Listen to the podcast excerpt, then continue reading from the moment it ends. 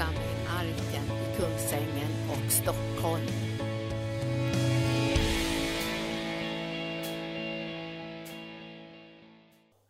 Ibland brukar jag få kanske fem, sex, sju, åtta bibelställen. Men den här gången har de trängt sig på. Så det har varit liksom 20, 30, 40 bibelställen som har stått och sagt, ta mig, ta mig, ta mig, ta mig. Har trängt sig på. Och jag tänkte, det här måste ju vara väldigt viktigt det här som Gud har på sitt hjärta. Och när jag bad nu den här kvällen så, så kände jag att jag, jag, själv och för hela församlingen, för er nu som går på bibelskolan, ni har ju tagit djupare beslut. Men att man förnyar besluten. Jag hör ju ibland sådana som har varit gifta ett tag så förnyar de sina löften. Man gifter ju inte om sig men man kanske gör någon typ av förnyelse. Men lever man i en kärleksrelation så behöver man inte förnya löftena. Men om man haft det lite jobbigt, och man är på väg att skiljas och man har bråkat och så, då kanske man vill förnya sina löften. Och jag, jag känner det här att förnya sina löften och följa Jesus. Så man gör en förnyelse av löftena. För jag, jag, du kommer säkert ihåg, och jag kommer ihåg när vi, när vi blev frälsta. Och vi gjorde de här radikala besluten. Jag ska följa Jesus. Och jag tror de flesta av er älskar den här sången. Jag följer korset och lämnar världen. Om andra tvekar så ska jag följa. Och vi gjorde de här djupa, djupa besluten att vi ska följa Jesus. Och David märkte ju att han tappade något av det här i sin vandring med Gud. Ni har ju läst läste om Davids liv. Alltså han, han tappade något av det där som var hans kallelse och utkårelse och började liksom gå hemma och vara rastlös. Och då såg han ju den här kvinnan som han sen tog till sig som inte var hans hustru. Och sen hände ju det här att han börjar må jättedåligt. Och när han kommer igenom och börjar få den här förkrosselsen, då ber han så här, Herre uppehåll mig med villighetens ande. Alltså den heliga ande upprätthåller oss och det är viktigt att vi har de här skorna på våra fötter. Vad heter de skorna? Villigheten eller bered, beredskapens skor, men villighetens skor tycker jag nästan bättre om. Det finns lite olika översättningar. Att vi har villighetens skor, att jag är villig att fortsätta att tjäna, följa och älska Jesus och prioritera Guds rike. Och jag tänkte vi ska tala lite grann ikväll om Guds rike. Hur det uttrycker sig, hur det manifesterar sig. Hur, hur det, liksom, hur, hur det demonstreras i den här världen. För lärjungarna de, de tänkte liksom så här mänskligt när de tänkte på Guds rike. Och jag tänkte jag skulle läsa det, för nu står ju bibelställena som spö i backen. Men jag har ju hela hösten på mig. Men jag tänkte jag ska läsa från Apostlagärningarna och se hur begränsat lärjungarna tänkte. De tänkte fysiskt, de tänkte Israel, gränserna Israel. Men det är viktigt för dig och mig att veta ikväll att vi har ett medborgarskap i himlen. Och att du och jag är främlingar i den här världen. Nu vet vi att Gud har sagt i Bibeln att han har gjort, gett olika riken och, och gränser och, och, och, att han har satt det här för att människor ska kunna bli frälsta. Så finns det olika länder och det är bibliskt. Men det finns något större för oss som följer Jesus. Och där när lärjungarna ska få den här rustningen av Jesus i apostlagärningarna och han säger så här, och, och han står i tredje versen, han visade sig för dem efter sitt lidande och gav dem många bevis på att han levde när han under 40 dagar lät dem se honom och talade med dem om Guds rika. Ser ni det? När han liksom visade för dem under 40 dagar och sen så, så, så talade han med dem om Guds rika. Och, och, när han talade med dem om Guds rike så tänkte de mänskligt hela tiden, alltså begränsat. Och de började fråga honom så här, eh, Jesus, han säger, de säger så här vid en måltid, vid en måltid med apostlarna befallde han. Lämna inte Jerusalem utan vänta på vad Fadern har lovat.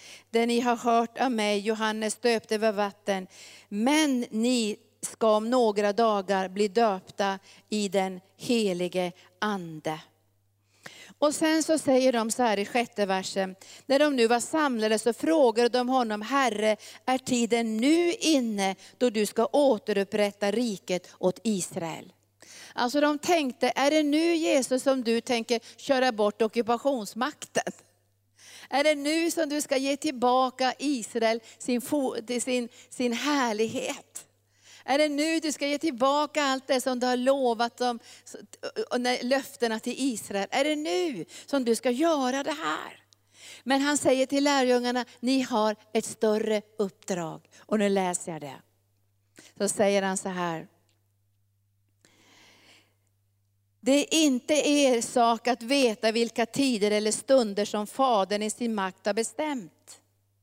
Men när den heliga Ande kommer över er, då ska ni få kraft och bli mina vittnen i Jerusalem, i hela Judeen, Samarien och ända till jordens yttersta gräns. Alltså det här betyder att Guds rike ska etableras i alla länder ut över hela jorden. Och det här tycker jag är så fantastiskt när den heliga Ande börjar lyfta oss ut ur begränsningen, det här naturliga, begränsade och fysiska.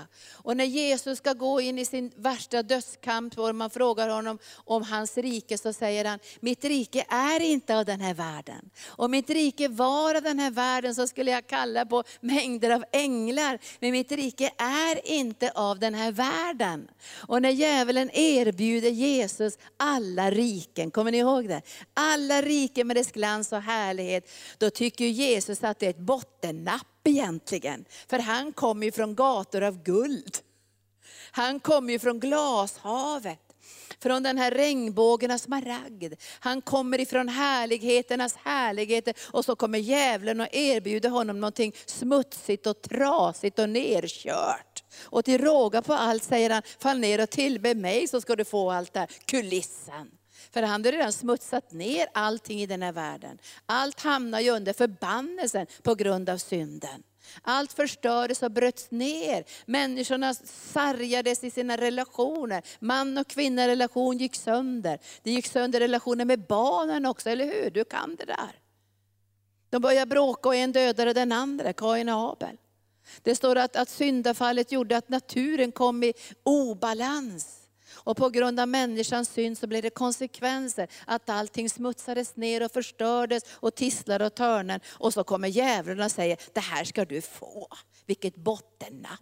Det är klart att Jesus avvisade honom och säger att, att så här att det där, ungefär det där kan du behålla, för jag ska bara tillbe Fadern och tjäna honom. Och Jesus visste ju att allt det här skulle gå under. Och han kände ju i sin ande när han vandrade här på jorden, hela naturens födslovånda. Och han såg ju i anden hur träden klappade i händerna och längtade efter Guds barns härlighet. För det skulle komma ett rike som skulle etableras i den här världen. När den här världen skulle födas på nytt och han skulle regera över allting. Halleluja. Så ni kan tänka er Guds stora tankar. Han sa ju också till Adam och Eva, ni ska uppfylla hela jorden. Alltså det var stora tankar Gud hade. Och tappar vi de här stora tankarna, då hamnar vi i gruset. Och vi hamnar i det här begränsade, det här jordiska. Och därför säger ju Jesus här, samla era skatter i himlen. Jag vill inte ha med mig någonting när jag går till himlen. Ska jag ta med mig rustamattorna? Ska jag ta med några gamla möbler? Du vet när jag gifte mig med Gunnar, nu står jag inte och ljuger, visst är det sant Gunnar? Jag hade två svarta sopsäckar. Jag ägde ingenting, jag ville inte, vad ska jag med det till? Jag hörde om någon tant som hade så fina möbler, det skulle vara så snyggt allting hemma. Och så dog hon och fick lämna sina snygga möbler. Alltså jag, jag tror på Bibeln, samla dina skatter i himlen. Så finns det någonting kvar på andra sidan. Men sen säger ju Herren så här, om du för Guds rikes skull och för evangelium och på grund av Jesus lämnar allt för att följa Jesus, då får du bruna strumpor och så får du bo i, bakom en gran. Och helst får du äta morötter resten av livet. Står det så? Va? Man kan ju tänka det. Att det, blir, det är ju val som du och jag gör. Och jag, jag känner varje dag, jag säger till medarbetarna, jag ska älska Gud med all kraft. Och jag har inte kraft för allting. Det har inte du heller. Jag vet, jag har inte kraft för allting. Och då måste jag göra ganska tydliga prioriteringar. Jag måste prioritera Guds rike. Jag måste prioritera det som ligger på Guds hjärta. Och jag säger ofta så här till människor som frågar, hur kan du göra det? Jag säger, jag har ju evigheten på mig. Och du får komma och hälsa på mig sen i evigheten. Jag kanske får det snyggaste huset här och slipper rusta mattorna och, och kanske har så snyggt där så du blir riktigt avundsjuk. Men vi har evigheten på vår sida. Och då säger Gud, om du lämnar allt för att följa mig, då ska du få vad då? Visst kan du det där? Hundrafaldigt igen. Alltså det kommer att flöda över det och då kommer du att känna så här, jag tror inte jag vill ha det. Jag tror jag prioriterar till någonting annat. Men du får det om du vill. Men du kan göra dina val efter vägen. För många av de här prylarna tar för mycket kraft ifrån oss. Det tar för mycket tid ifrån oss. Så om jag skulle få en, eh, ärva en sommarstuga, då ska jag sälja den samma dag. För jag ska inte orka med det där. Jag orkar knappt med det jag har just nu. Men jag skulle bara säga, det skulle inte jag vilja ha, men jag är glad om det kommer. Låt det flöda över. Om du lämnar allt för att följa Jesus för evangelium rikets skull, ska du få hundrafaldigt igen. Och så kommer löftena. Hur säger han? Han säger inte tält eller något sånt där, eller en sommarstuga eller, eller ja, något sånt där begränsat. Hur säger han? Du kommer att få ett hus. Nu vet jag inte vad, han, vad det kan ut, hur det kan uttryckas på många sätt. Men säg så här, du kommer att få ett hus och du kommer att få en familj. Du kommer att få mammor och pappor och syskon och bröder. För du och jag är skapade för att ha en familj. Alltså det är vårt grundbehov och det är det som djävulen attackerar i den här yttersta tiden. Han attackerar familjerna. Han attackerar äktenskapen, han attackerar barnen, han attackerar församlingslivet. För han vet att vi behöver en familj. Och det är det som vi får. Och jag tycker väl det är det vackraste han kan ge oss, en familj. Och det första som lärjungarna frågade Jesus, det var inte så här, får vi se ett under som du gör? Eller får vi se ett mirakel? får vi se någonting häftigt? De sa, får vi komma hem och se hur du bor? Det var det första de frågade, får vi komma hem och se hur du bor? Så Guds rike är något otroligt vackert som Gud vill etablera och upprätta i den här syndiga och mörka världen. Och det är något otroligt dyrbart. Så när djävulen erbjuder alla riken så är det nerköp. Vad ska Jesus med det till? Och han säger bara, det, kan du, det, det vill inte jag ha för han tänker någonting annat. Och så kommer änglarna och betjänar Jesus. Tänk vad Jesus lämnade för någonting. Vilken härlighet, vilken prakt, vilken skönhet, vilket liv han lämnade för att ikläda sig denna begränsning för att du och jag skulle bli frälsta. Och därför måste vi, och vi behöver också förstå vad Guds rike är. Hur det manifesterar sig, hur det uttrycks. För det här riket är inte av den här världen. Vi kan inte sätta en gräns och säga, det här är Guds rike. Utan Guds rike, säger Jesus, det är mitt ibland er och det är invärtes i er, säger Jesus. Och, och, det finns ju bibelställen på det. Så han säger, då de frågar fariseerna, kan du visa var sitt rike är? Så här, ditt, mitt rike, det, det, är mitt ibland det. Det är inte det man kan se med sina ögon och säga, här är Guds rike. Det är mitt ibland er. Men ni ska veta, säger Jesus, att ni kommer att märka när Guds rike manifesterar sig. Ni kommer att märka det, för det är väldigt tydligt när Guds rike manifesterar sig. För det står ju i Bibeln att Jesus gick omkring och predikade Guds rike. Och vad gjorde han sen? Han botade alla sjuka och befriade alla fångna. Och varenda en kunde se att det var det som uttryckte Guds rike, helande och befrielse. Och på samma sätt säger Jesus till lärjungarna, nu, nu ska jag smörja er, jag ska rusta er, jag ska sända er och ni ska predika Guds rike. Och ni ska bota alla sjuka och kasta ut onda andar. Ja, ni ska till och med väcka upp de döda. Därför Guds rike är ett annat rike än de här världsliga rikena. Och ska, nu ska jag börja läsa de här texterna om Guds rike. Men visst är det intressant när lärjungarna säger, Jesus ska du upprätta Israel nu?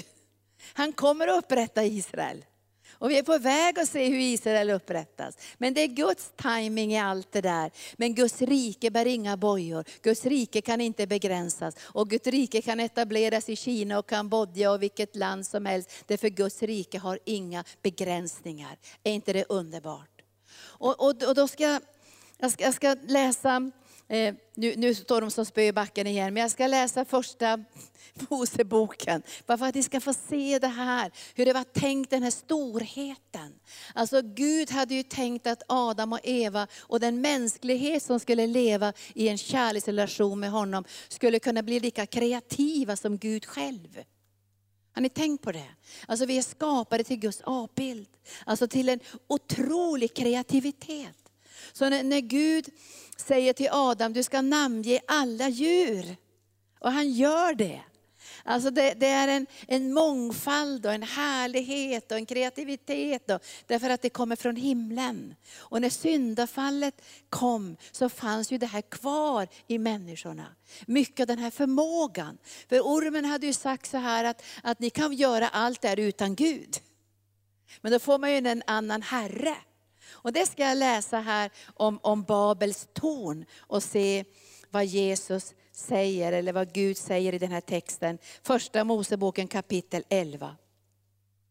Hela jorden hade ett enda språk och, och samma ord.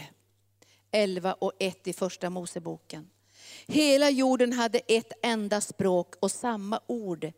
Men eh, när människorna bröt upp och drog österut fann de en lågslätt i Kinas land och bosatte sig där. De sa till varandra, kom så slår vi tegel och bränner det.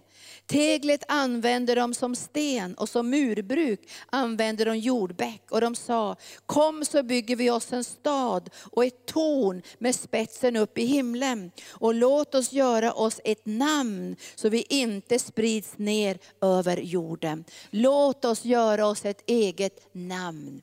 Låt oss bygga ett torn som når ända upp till himlen så vi kan peka finger mot Gud och säga, det här klarar vi av i egen kraft. Och det var det som var djävulens synd. Han tyckte att jag är så skön, jag är så vacker, jag har allting. Jag behöver inte böja mig under Gud. Och, jag, och när han gjorde det och ville ta platsen ovanför Guds alla änglar och Guds egen tron förlorade han allt. Och de tänkte nu får vi spetsen ända upp till himlen. Och då tittar Gud ner och så säger han så här, då steg Gud ner för att se på staden och tornet som människorna byggde. Och han blev imponerad, vet ni det? Han blev imponerad. Och han tittade på tornet och allt det och så säger han så här, se, de är ett enda folk och de har ett enda språk. Detta är deras första tilltag och härefter ska ingenting vara omöjligt för dem vad de än beslutar sig för. Därför när det finns enhet så finns det kraft att göra saker. Och därför som vi ser hur mörkret mobiliserar med enhet för att kunna genomföra de här tankarna och planerna som mörkret har. Och ni som kan uppenbarelseboken, ni vet ju att de två vilddjuren, de allierar sig med draken i den falska och orena treenigheten och det förlöses kraft. Men du och jag vet idag att Jesus Kristus är konungarnas konung och herrarnas herre och allt är lagt under hans fötter som en fotapall. Men vi ser här, Gud blev imponerad. Därför det finns enhet, där finns det kraft att genomföra saker. Och Bibeln säger om ett hus är splittrat med sig själv består det inte ens. Det, det, kan inte bestå. Om ett äktenskap är splittrat så består det inte. Om en församling är splittrad så, så blir det mycket stora svårigheter att genomföra och fullborda en vision. Och därför säger Gud så här, jag är helt imponerad, säger han egentligen. De här kan göra vad som helst för de är eniga. Och då säger han så här, nu måste vi bryta den här enigheten, den här mörka enigheten, den här svarta enigheten, den här orena, okulta e-, enigheten, den här djävulskt inspirerade enigheten. Och den är redan bruten i Jesus Kristus. Och så säger Gud så här, så säger han så här, låt oss stiga ner och förbistra deras språk så att den ena inte förstår vad den andra säger. Och den här förbistringen förstår ni, det är jättebra att den finns i mörkrets rike, men det är inte bra när den finns i Guds rike. När det blir en förbistring, vi förstår inte varandra, vi strider med varandra och vi har kyrkopolitik och vi är förvirrade och så här. Men det finns en enhet i Jesus Kristus som vi kan gå in i. Jag tror ju inte på människoskapad enhet. Jag tror inte på människoskapad ekumenik. Jag tror på en enhet som finns i Jesu hjärta. Som du och jag kan gå in i och där upphör språkförbistringen och vi kommer att förstå varandra.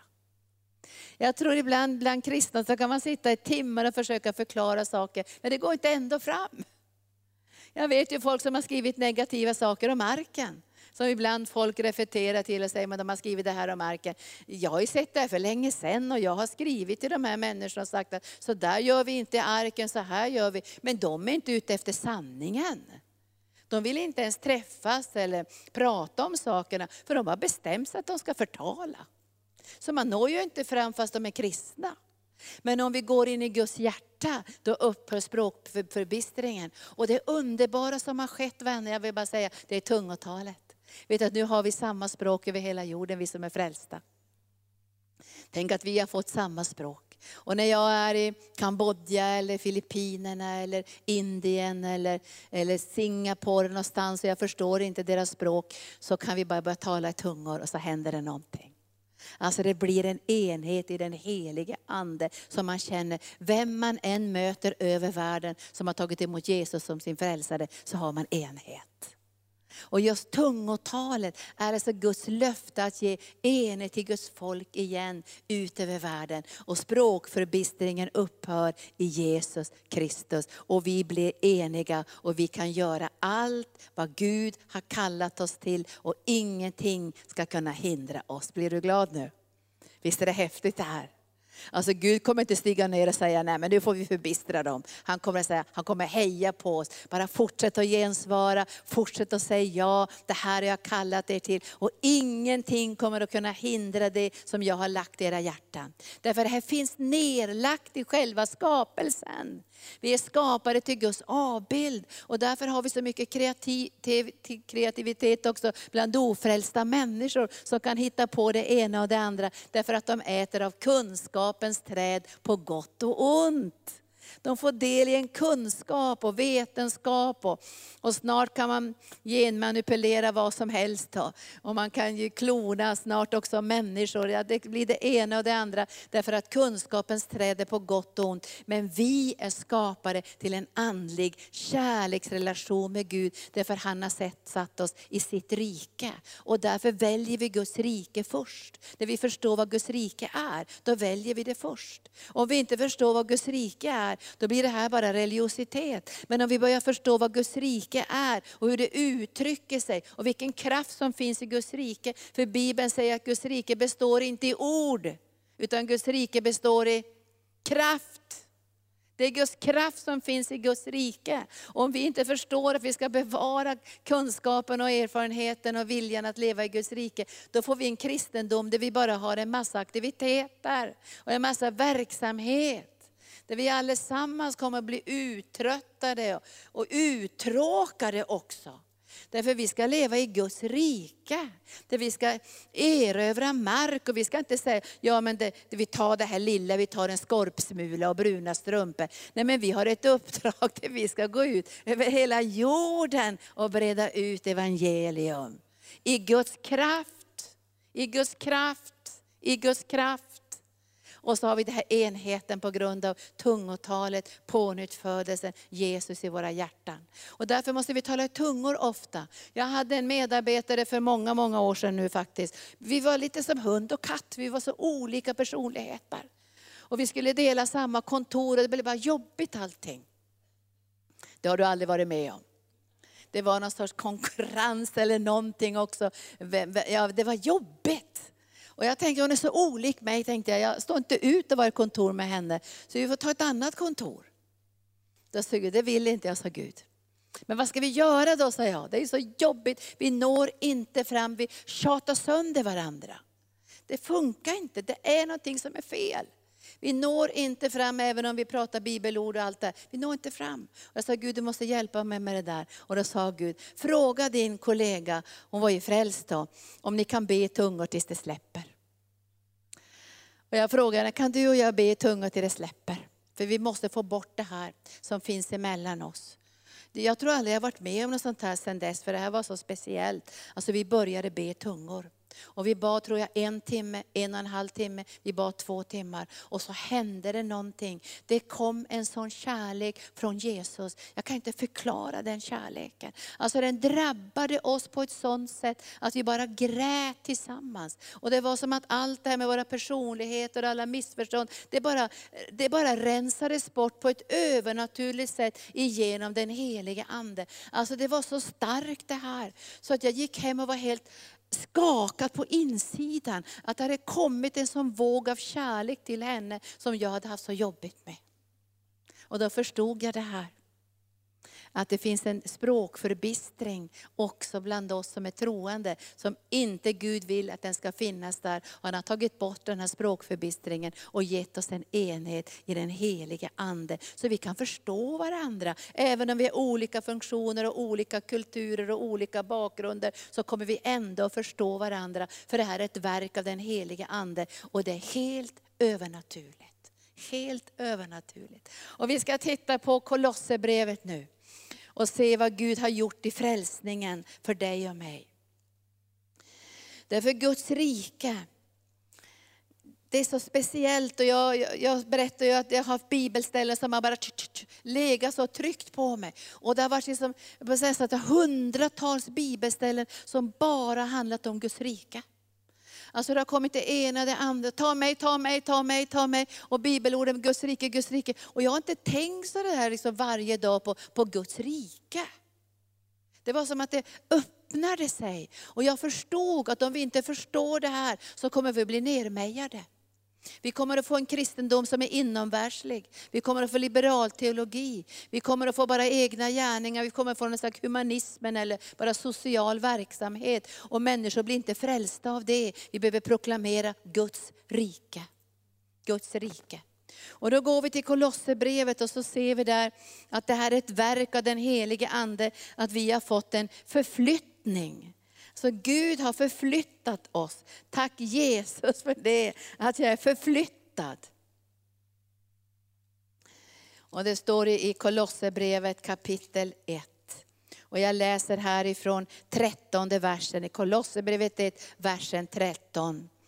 Han har frälst oss från mörkrets välde eller jag vet inte hur det står i era översättningar, jag har folkbibelns senaste översättning. Det kan stå från mörkrets makter eller välde eller inflytande eller från mörkrets rike. Står det också i andra översättningar. Alltså han har frälst sig från mörkrets rike. Du och jag lever inte längre i mörkrets rike. Men vi kan inte säga bara så här att Guds rike, ja men det är bara precis där jag bor på, på mitt område. Utan Guds rike är inom oss och mitt ibland oss. I församlingen uppenbaras Guds rike. Och Guds rike är osynligt för, jag ska säga, man kan inte säga att här går gränsen för Guds rike. Utan Guds rike är, är osynligt, men det är inte osynligt i sin manifestation. Det är inte osynligt i sin demonstration. Och då måste du och jag veta om det är Guds rike som manifesterar sig, eller mörkrets rike. Alltså vi måste veta det så vi inte blandar ljus och mörker. Så vi tänker, men det var nog Guds rike. Utan vi har tagits ut och förflyttats från mörkrets välde eller mörkrets rike. Och så står det, han har fört oss in i sin älskade sons rike. En helt annan regering, det är inte socialdemokrater eller högern eller något annat, utan det är sonens rike. Det är inte ett världsligt rike. Det är inte ett man-made kingdom. Det är inte liksom människoverk det här, utan han har fört oss in i Guds rike. Och det står den älskade sonens rike, alltså Jesu rike. Så det är Jesu rike som du och jag eh, är förflyttade till. Tänk att vi varje dag kan tänka, jag bor i Jesu rike, i den älskade Sonens rike. Och när det mer och mer uppenbaras för dig och mig, då försvinner ju människofruktan. Och då försvinner också fruktan för alla de här rikena som kommer och går. Vet du, det har skett mycket sedan världens begynnelse, sedan dinosauriernas tid än stenåldern och bronsåldern och all järnåldern och allt det. Det har varit väldigt många uttryck för många olika riken. Men allt det kommer att falla. Vet ni det? Allt kommer att falla. Det kommer inte finnas någonting kvar. Och Gud behöver bara ta den lilla stenen. Vet ni? En liten, liten sten står i Daniels bok, lösgjordes från himlen och kom på den stora, bamsiga, fräcka, stora statyn. De var guld och glans och, och bröstade sig. Den lilla stenen föll på den stora statyns fötter och allt rasade ihop. Och sen uppfyllde den här lilla stenen hela jorden. Och så står det, ett nytt rike ska upprättas som ska ges till Herrens heliga. Och det vänner kommer att vara ett fysiskt rike, vet ni det? Nu lever vi i ett andligt rike, men en dag kommer vi att få se det fysiska rikets upprättelse och det kommer judarna få se också. Men nu lever vi i ett andligt rike. Och vi behöver känna till det här riket, hur det manifesterar sig och hur det uttrycks. Och Jesus säger i Kolosserbrevet till oss, jag har fört er in i mitt rike. Och i det här riket, säger han i 14 versen, är vi friköpta och har förlåtelse för våra synder. I det här riket är vi friköpta. Så jag vill inte stiga ut och ställa mig i djävulens rike. Gå in på hans planhalva. För jag är friköpt och frihalsad för att tillhöra en ny kung. Kung Jesus, som är huvud och herre. Jag böjer mig bara för honom. Jag hade en konstig dröm när jag var ung, så drömde jag att, det skulle, att alla skulle vara tvungna att erkänna Tor, Oden och Freja. Det var drömmen. Och alla var jätterädda och stod i en lång, lång, lång, lång kö så här. Och så hade de ett svärd som skulle hugga huvudet av dem som inte sa, vi tror på Tor, Oden och Freja.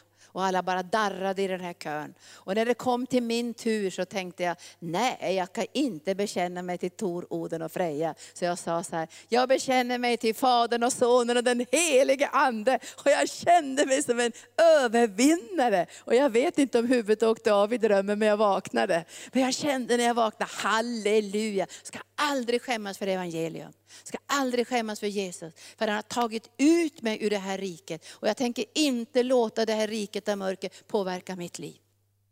Det ska inte du heller. Mer och mer ska vi få uppenbarelse vilket rike vi tillhör. Vi tillhör Guds rike och det är inte bara Guds rike, det är sonen, den älskade sonens rike. Vi är friköpta. Vet du, det var många som friköptes av slavarna i Amerika. Och vi, vi, man friköper också flickor som är utsatta för sexuella övergrepp och som är sexslavar. Då friköper man dem. Man tar dem ut ifrån det här förnedrade livet fängelselivet, det här, det här smutsiga livet. Och man lösgjorde slavarna också och köpte dem fria, så de skulle kunna få bli fria människor. Det har Jesus gjort. Han har friköpt dig och mig från mörkrets rike. Vilket verk han har gjort. Han har betalt priset.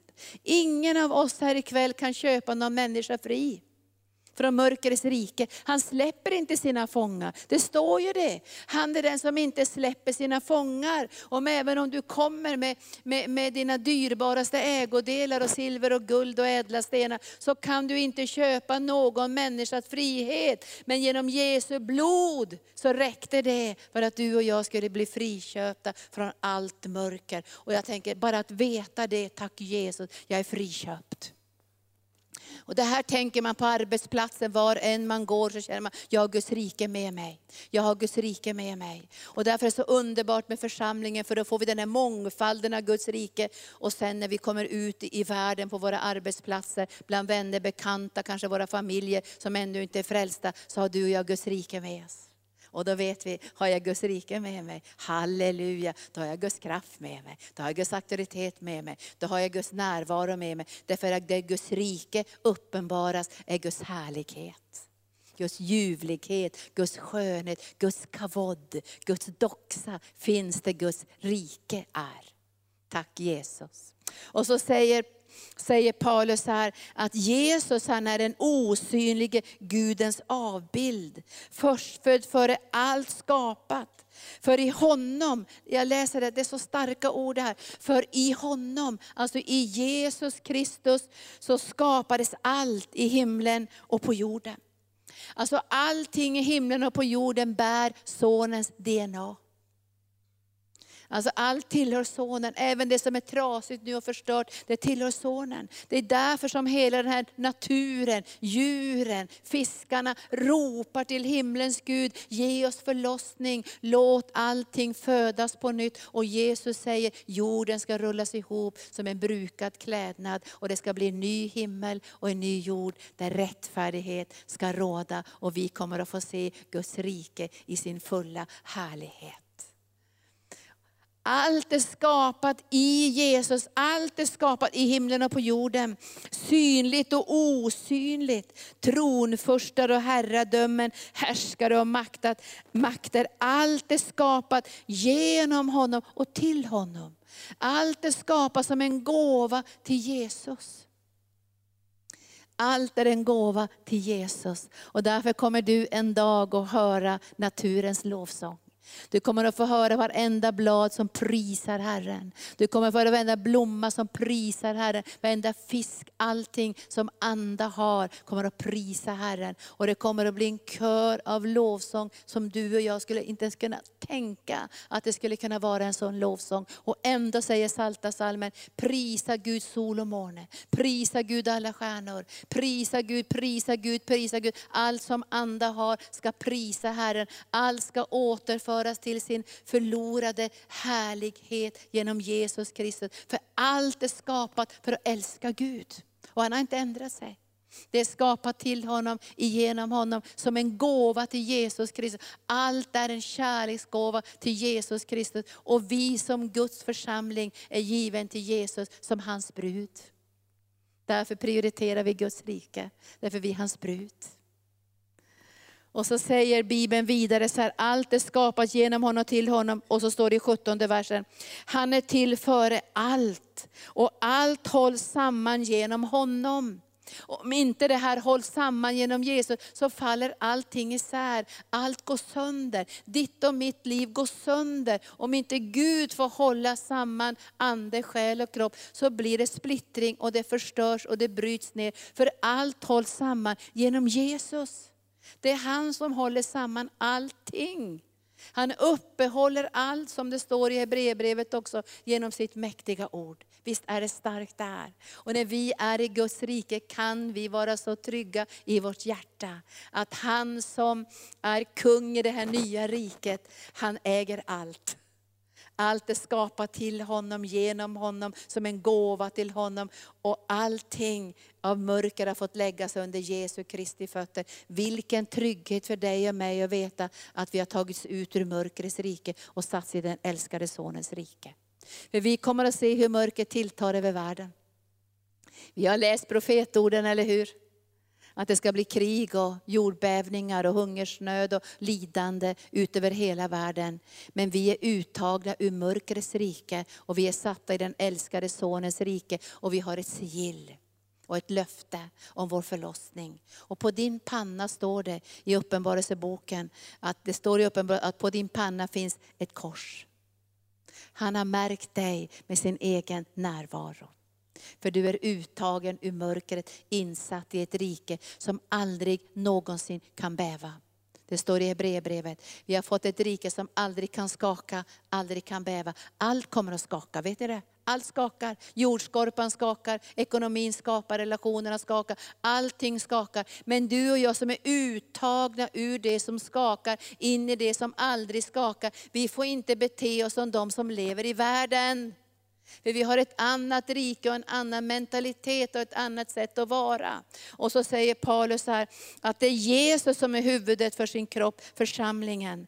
Han är begynnelsen, den förstfödde från de döda, för att han i allt skulle vara den främste. Gud beslöt att låta sin fullhet bo i honom och genom honom försona allt med sig själv, sedan han skapat frid i kraft av blodet på hans kors. Frid genom honom både på jorden och i himlen genom Jesus Kristus, genom Guds rike etableras här i den här världen en frid som inte kommer ifrån den här världen, men som kommer ifrån himlen. Så Gud etablerar alltså olika saker i sitt rike som ska bli synligt för den fallna människan att känna igen. Jag tror varenda människa har ett minne djupt där inne, att paradiset finns. Och det står Gud har lagt ner samvetet i människan för att hon ska kunna känna igen och förstå saker. Och jag tror att när Guds rike får etableras ibland oss och vi prioriterar Guds rike, då räddas världen. Men om vi inte prioriterar Guds rike och låter allt annat komma före, vem ska tro att det här är viktigt? Vem ska tro att det här är någonting som vi, som vi prioriterar med hela vårt hjärta? Och därför uppmuntrar Gud oss och säger så här, om du söker mitt rike först, då, då, då, kan du vara trygg också att allt det andra kommer att komma dig till del, men på ett övernaturligt sätt, via relationen med Gud och via bönen. Tack Jesus. Och du kan bara läsa vidare här, ni som en gång var främlingar och fientliga till sinnet och genom era onda gärningar. Också nu har han försonat er med sig själv genom att lida döden i sin jordiska kropp. Han vill föra fram er heliga och fläck fria och oantastliga inför honom. Om ni verkligen står fasta och grundar i tron och inte låter det rubbas i hoppet av det evangelium som ni har hört och som har predikats för allt skapat under himlen och som jag Paulus har blivit satt att tjäna. Visst är det här en vacker text. Läs gärna den här texten till imorgon. Vi ska pr pr prata mer om det här, vad som händer i Guds rike. För när Guds rike etableras, då blir det enhet. Vet ni det? Därför Guds rike har enhet som ingrediens. Det är inte något som vi ska försöka jobba fram i någon ekumenisk grupp, utan det är bara enhet. Om Guds rike får etableras så är det enhet. Och enheten är liksom, det, det är inte konstruerad enhet, det, det är en enhet som är given i Guds rike. Så när du och jag träder in i Guds rike så får vi del av enhet som en gåva. Och då händer det någonting. Därför enheten manifesterar sig. Alltså där enhet finns, och, sen, och finns det enhet, ska vi se hur ska det, finns det verkligen enhet här? När enhet finns, då kan du och jag känna det. Vi kan smaka på det. Vi kan uppleva det. Vi kan få del i det. Och det ska jag läsa ifrån, ja, ifrån Saltaren 133. Då ska vi, det finns många sådana här salta salmer. Men, men jag ska bara säga, det, det, är inte ett frågetecken. Hur uttrycker sig enhet egentligen? Det står ju i Bibeln. Så här uttrycks det, när enhet etableras. Och då kan ju du och jag känna så här, det här vill vi gå in i. För det här vill vi ha, eller hur? Jag läser bara här, så står det, hur ljuvligt är det när bröder bor enhetligt tillsammans, i enhet. Hur ljuvligt det är. Och jag som är uppvuxen i ett hem med mycket bråk, det var inte särskilt ljuvligt. Finns det några av er som har vuxit upp i hem med bråk? Alltså man öppnade dörren så var det bråk igen. Och så var det skilsmässobråk och så var det vänner igen. Och, så, och många av oss här är också skilsmässobarn. Så vi tyckte inte att det var särskilt ljuvligt. Nej. Så vi, vi tänker så här, vi vet ju att det inte är så särskilt ljuvligt. Där behöver vi tänka så här, kanske vi behöver lite mera enhet. Och då ska vi inte konstruera det, utan då går vi in i det. Visst är det vackert? Vi går in i det. Tack Herre för den här enheten. Bara etablera den nu Herre, för nu vill vi ha den här ljuvligheten. Alltså visst är det ett vackert ord där, ljuvlighet. Hur ljuvligt är det? Jag kan inte förklara. N när kan man prata om ljuvligt Gunnar? Är det i naturen kanske? Ljuvligt. Vad har vi för annat ord för ljuvligt?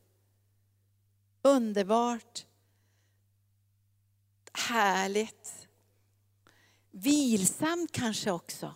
För när det är ljuvligt så kan man liksom slappna av, man kan vara sig själv. Man känner, wow vad skönt att vara här. Jag behöver inte spänna mig och, och, och liksom försöka skratta så jag får kramp. En gång, en gång var jag så spänd så jag fick kramp i näsborrarna när jag var nyfrälst. Första gången jag skulle vittna när jag var nyfrälst. Pinsamt va? Det var G72 i Göteborg, jag skulle vittna om min frälsning. Det var jättemycket med. Jag ställde mig på scenen och så skulle jag säga att jag hade blivit frälst. Fick jag kramp i näsborrarna. Jag fick kramp i hela ansiktet. Och jag tänkte efter, jag ska aldrig vittna. Det var ingen ljuvlig känsla. Men det här att få vara en ljuvlig smörjelse, ha avslappnat och din personlighet kommer fram. Det är underbart när det finns den bibliska enheten. Och Guds rike är det här. Det är det här. Och jag har varit i många sammanhang där det inte har varit så här. Det har varit under ytan en massa spänningar och konflikter och kyrkopolitik och tjafs och, och, och grejer. Det är inte ljuvligt. Men när vi får den här enheten som kommer från himlen som är i Guds rike. Vi går in i den, för Guds rike har ju det här. Då kommer det någonting underbart. Och så står det så här, att det är så ljuvligt när de bor enhet. Man kan ju bo med dem i Singapore i anden, jag bor med dem i Kambodja i anden, jag bor med dem i Afrika i anden. Jag bor med dem i anden. Vi har en gemenskap i anden och en enhet. Så om de skulle lida så kan jag få tag på det i min ande. För vi bor i anden tillsammans, i Guds boning, i Guds rike. Det går inte att förklara det här, men det är på det sättet. Och då står det så här, det är ljuvligt när det här finns. Då är det som den fina oljan. Den fina oljan. Alltså den här fräscha oljan av den heliga Ande. Det är manifestationen av Guds rike. Så den här oljan. Den fina olja som rinner över, nu står det beskrivet så här, över huvudet, över skägget, genom Arons skägg, ner över kragen på hans dräkt. Det här är en bild på församlingen, på bruden. När oljan flödar över huvudet så flödar den också över fötterna och ut i världen. Därför världen måste få känna den fina oljan. För de kan blanda in den här falska oljan. Alltså det, kan, det, finns ju mycket konstiga beskrivningar av olja och helande och befrielse och hälsa och allt det här som kommer ifrån världen. Men om, om Guds rike inte etableras ibland oss som är troende, då kan inte de känna skillnad på den ljuvliga oljan och den falska oljan. För alla vill ju bli helade och upprättade. Alla vill ju må bra, eller hur? Men jag tycker så här, den fina oljan den väldoftande oljan. Och sen står det, det, det, det, är som när Hermons dag kommer ner över Sions berg. Alltså Hermons dag betyder på svenska, det här gammeldags ordet, vederkvickelse. Förnyelse. Alltså där, när vi är i Guds rike pågår det en ständig förnyelse. Det är Guds rikes uttryckssätt. Det är inte stagnation. Det är inte depression. För Guds rike består ju inte i mat och dryck och vi har inte heller fått fruktans ande. Vi har fått kärlekens och återhållsamhetens och kraftens ande. Och Guds rike består inte i mat och dryck, det består i vad då? Rättfärdighet och frid och glädje i den helige ande, står i Romarbrevet. Så vi vet när Guds rike blir uttryckt. Och ibland känner man sig, men jag tycker inte Guds rike är uttryckt fast jag lever i Guds rike. Då måste jag börja lösa ut manifestationerna, uttryckssätten för Guds rike. För jag vet att det här är Guds rike. Så här är det. I Guds rike blir det vederkvickelse, förnyelse och förnyad kraft. Och så står de här underbara orden, där skänker Herren välsignelsen liv till evig tid. Det verkar som att Gud dras till enhet. Alltså han dras till den här övernaturliga enheten. Och den första enheten är ju i mitt eget liv, ande, själ och kropp. Och den första enheten kan man säga uttrycks i frälsningen. För jag måste ju tro med mitt hjärta och jag måste bekänna med min mun. Det måste bli enhet i min ande och i mitt själsliv. Alltså det måste bli en enhet. Det, måste, det står ju i Romarbrevet kapitel 10 där att jag tror med mitt hjärta, jag bekänner med min mun. Alltså det blir enhet. Och i den enheten i frälsningen blir det enhet mellan ande, själ och kropp. Så jag kan älska Gud med hela mitt hjärta, hela min själ och med all min kraft. Det blir enhet. Alltså det är en övernaturlig enhet. Det kommer inte genom gymnastik eller övningar eller hälsokost. Det, det kan vara till en viss hjälp. Utan det är en övernaturlig smörjelse som kommer från himlen. Som ger oss den här enheten med Gud. Och sen den här enheten i vår personlighet. För vi ska inte ha schizofreni. Vi ska inte vara splittrade. Vi ska inte plågas av ADHD på det så vi bara liksom får den här rastlösheten som slår sönder våra liv. Utan genom den heliga Ande så har Jesus gett oss enhet med vårt eget väsen i kärleksrelationen med honom. Det är en gåva. Men vi får ju upptäcka den mer och mer i vår vandring såklart. Och vi intar det här mer och mer. Men det är ju givet. Den här harmonin, den här enheten, den här kärleksrelationen.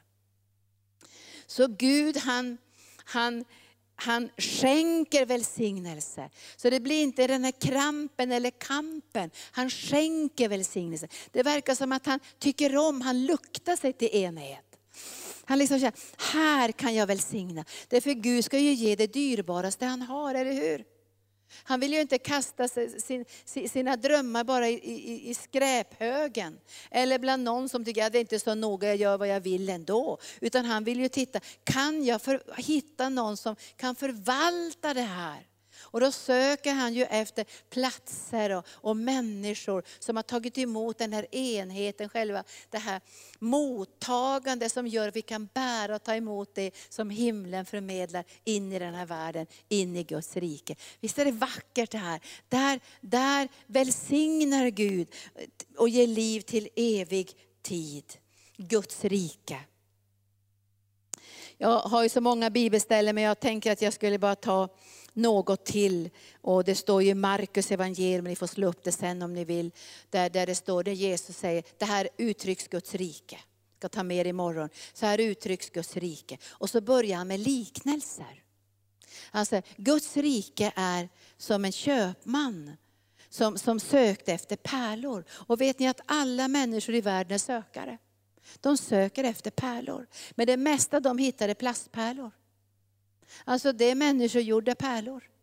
Det är sånt som världen erbjuder. Och det finns mängder med pärlor i den här världen. Det är svårt ibland att se vad som är en äkta pärla och en falsk pärla. Du måste vara ganska kunnig i det där. Men den heliga Ande hjälper oss. Och den här köpmannen han hittade en massa pärlor och han köpte en massa pärlor. Han tyckte den här var ju vacker, den här var ju vacker. Och så hittade han pärlan med stort P.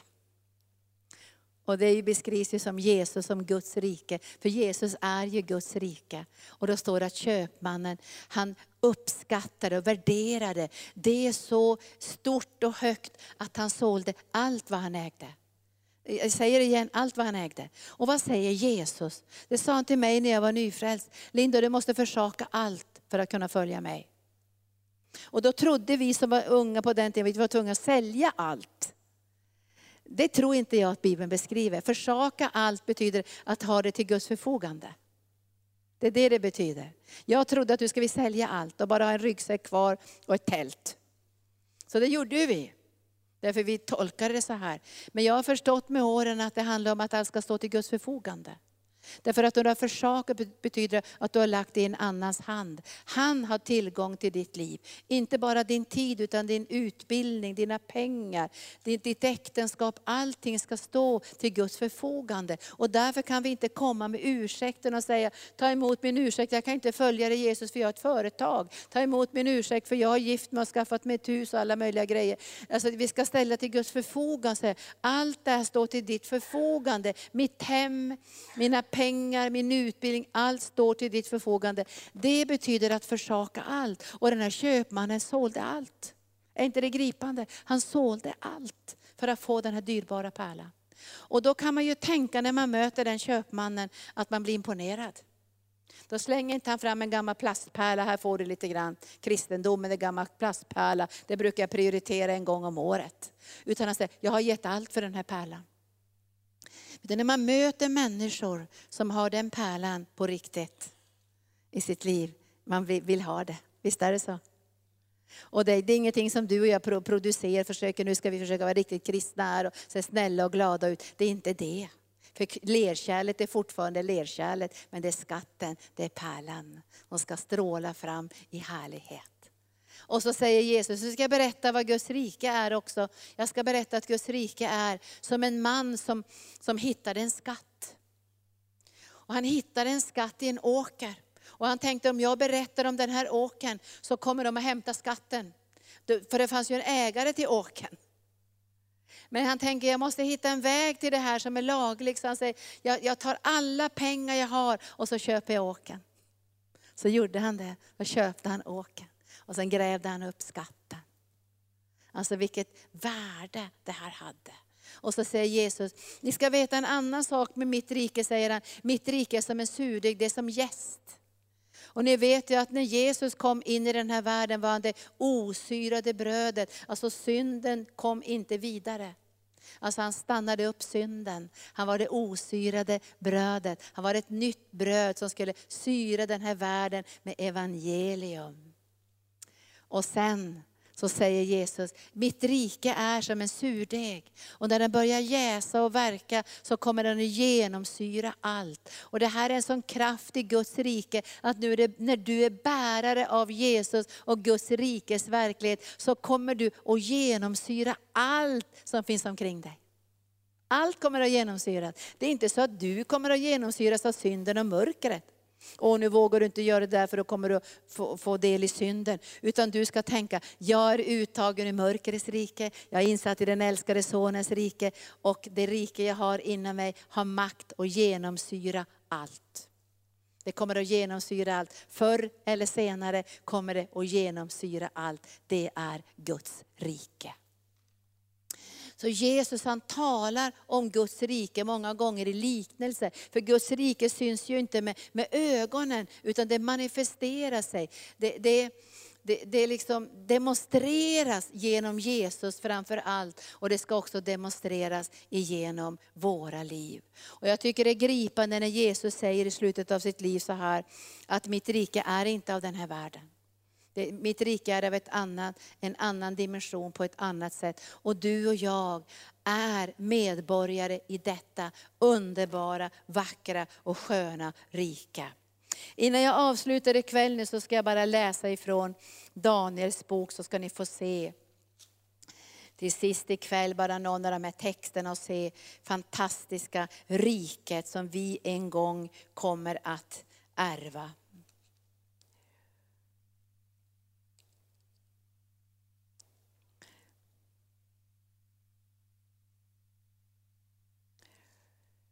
Vers 31 i kapitel 2. O konung, säger den här äh, Nebukadnessar, då säger, då säger Daniel till honom så här, du konung, du såg i din syn en stor staty, hög med strålande glans. Den stod framför dig och den var skrämmande att se. Huvudet på statyn var av fint guld och bröstet och armarna av silver, och buken och höfterna av koppar och benen var av järn och fötterna delvis av järn och delvis av lera.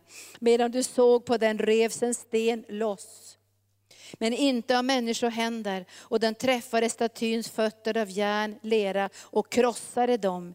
Då krossades allt samman. Järnet, leran, koppan, silvret och guldet. Allt blev som agnar från tröskplatserna om sommaren. Och vinden förde bort det så det blev inte spår kvar. Men stenen som hade träffat statyn blev ett stort berg och uppfyllde hela jorden.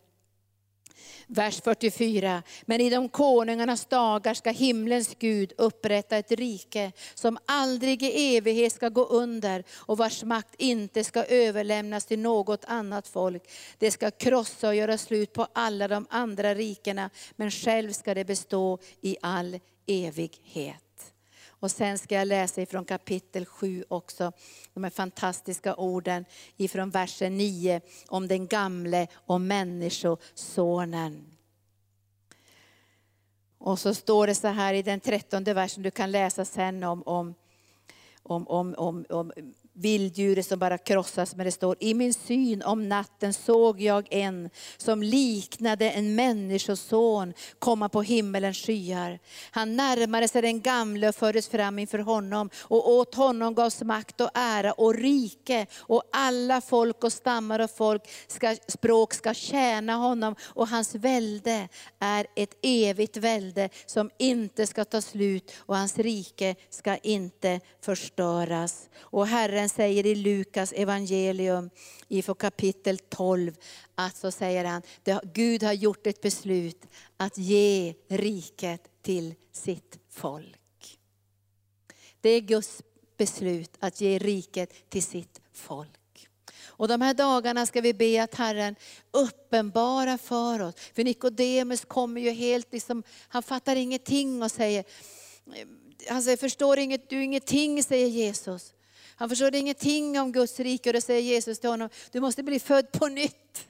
För att kunna se och förstå Guds rike och komma in i Guds rike. Och han fattar ingenting och säger, men ska jag gå in i mammas mage igen och födas? Då säger han så här, du måste bli född med ande och vatten.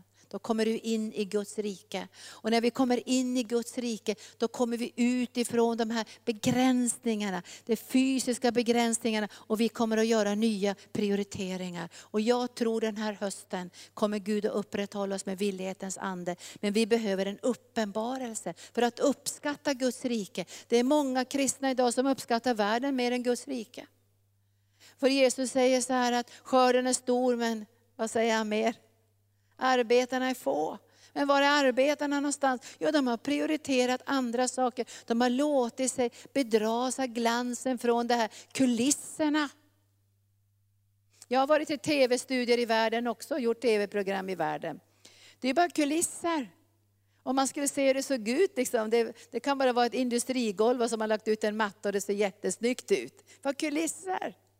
Och den här världen är bara kulisser. Och jag tror att mörkrets makter bedrar människor och säger, men du måste tänka på det här och det här och det här och det här. Och det här. Men när du och jag bestämmer oss och prioriterar Guds rike, då kommer det att bli synligt för den här sargade, pinade, plågade världen att det finns en Gud.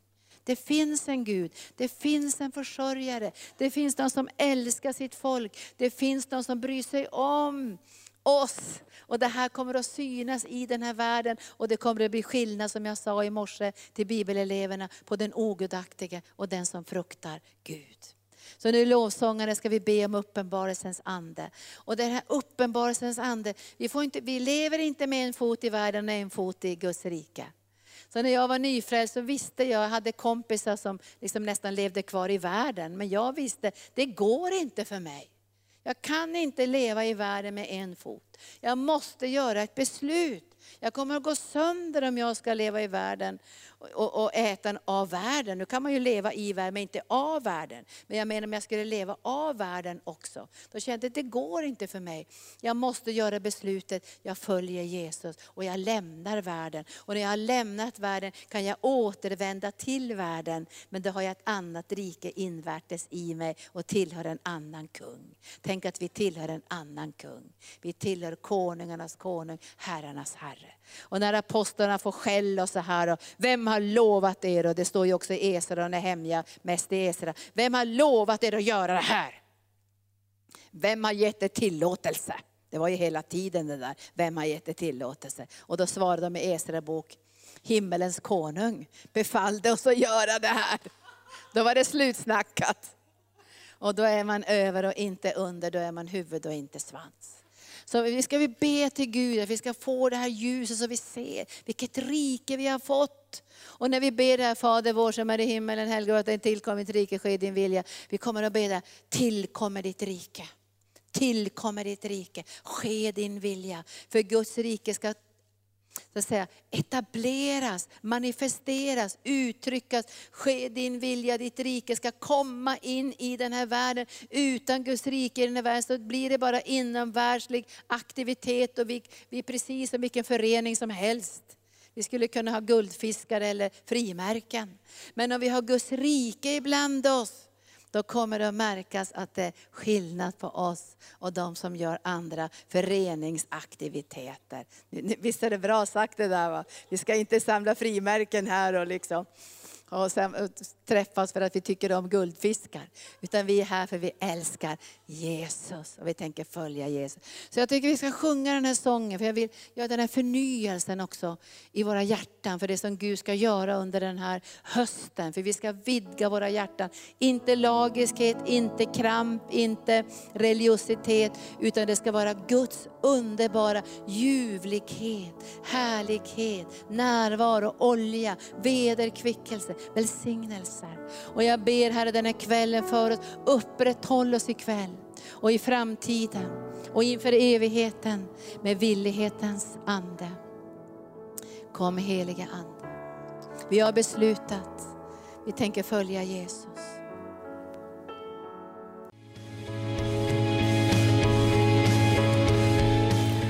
Tack för att du har lyssnat.